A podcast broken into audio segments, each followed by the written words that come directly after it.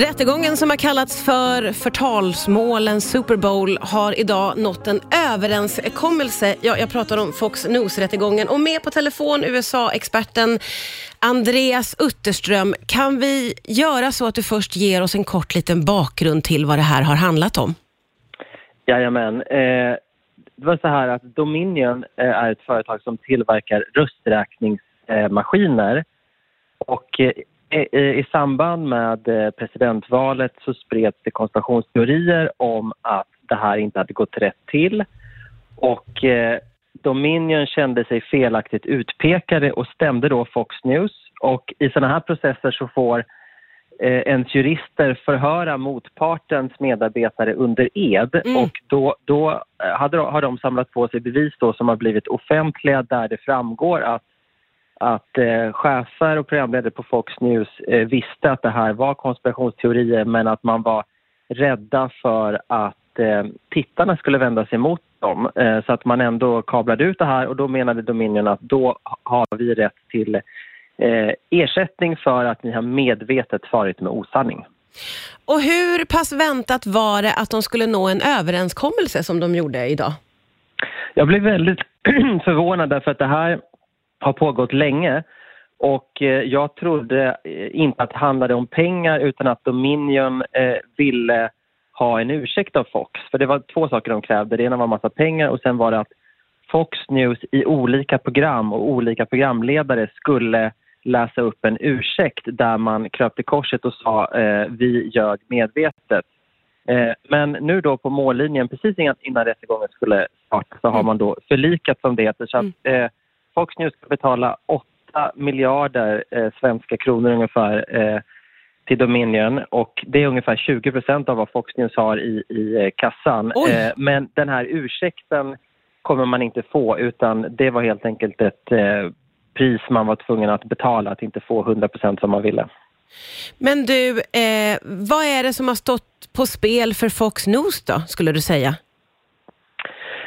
Ja, men dåligt, inte dåligt rykte för det har de ju hos en del av befolkningen ja. samtidigt som de är älskade av andra. Men det var väldigt pinsamt nu i den här långa processen fram till den här rättegången som aldrig blev av när det har blivit offentligt mejl, sms och annat där man ser att till exempel Tucker Carlson som är en av de stora stjärnorna och har varit väldigt pro-Trump. Eh, när han eh, kommunicerar med sina kollegor så kallar han Eh, är han väldigt nedvärderande mot Trump och säger att han är tokig, han är en fara för demokratin ungefär. Och, mm. och, alla de här grejerna har ju varit väldigt genanta och jag misstänker att Fox News inte eh, tyckte att det var, hade varit så roligt om dels deras chef Rupert Murdoch och deras stora stjärnor hade börjat vittna i en domstol eh, under ed. För då kan man ju faktiskt själv åka i fängelse om man ljuger och jag tror att man ville slippa det till varje pris.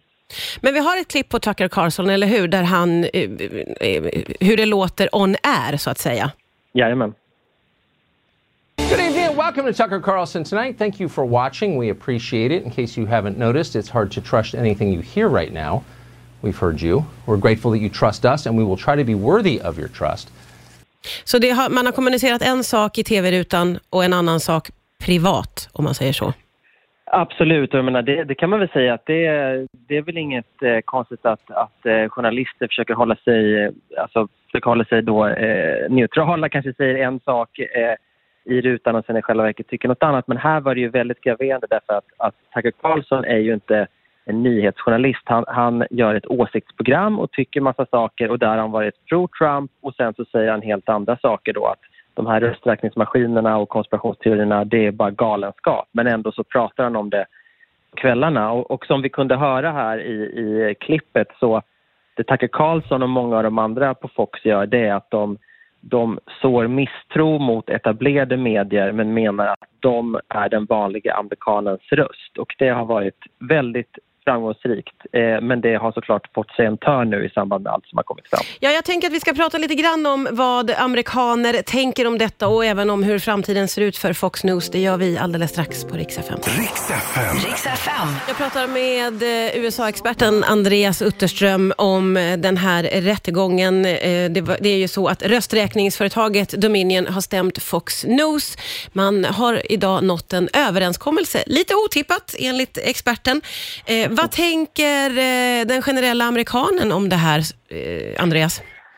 Den generella amerikanen har fullt upp med att få vardagen att gå ihop och jag tror att det är med Fox News precis som det är med Donald Trump att eh, man har bestämt sig för länge sedan vad man tycker så att jag tror inte att det här påverkar så mycket. Mm. Men det som är intressant är ju vad det betyder för Fox News framtid för att Fox startades 96 som en slags motvikt mot vad man tyckte var etablerade mediers snobbiga vänstervridning. Mm. Och så gjorde man punkiga, rappa, underhållande nyheter som tilltalade väldigt eh, många.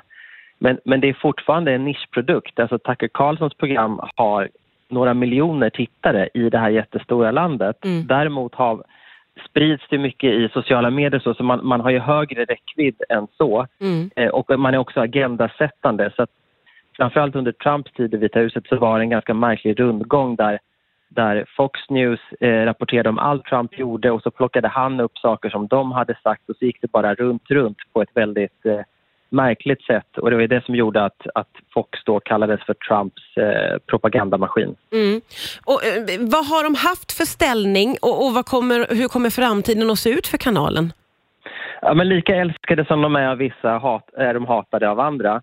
Eh, men det, det, är ju en väldigt eh, framgångsrik tv-kanal rent eh, ekonomiskt för man har tittarna i ett järngrepp och man kan sälja väldigt dyr reklam. Mm.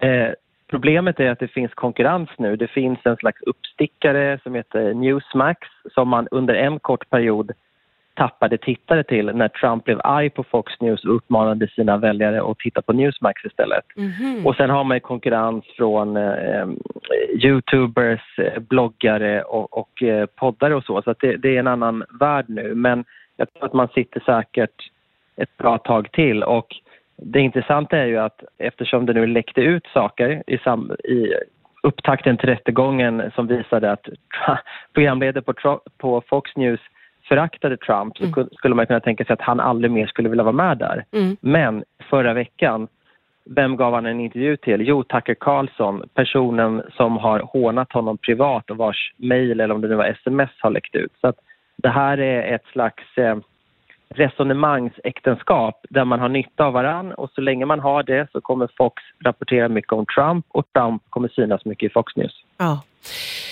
Tack så jättemycket för att du var med oss idag, Andreas Utterström. Vi hörs alldeles säkert snart igen. Tack så mycket.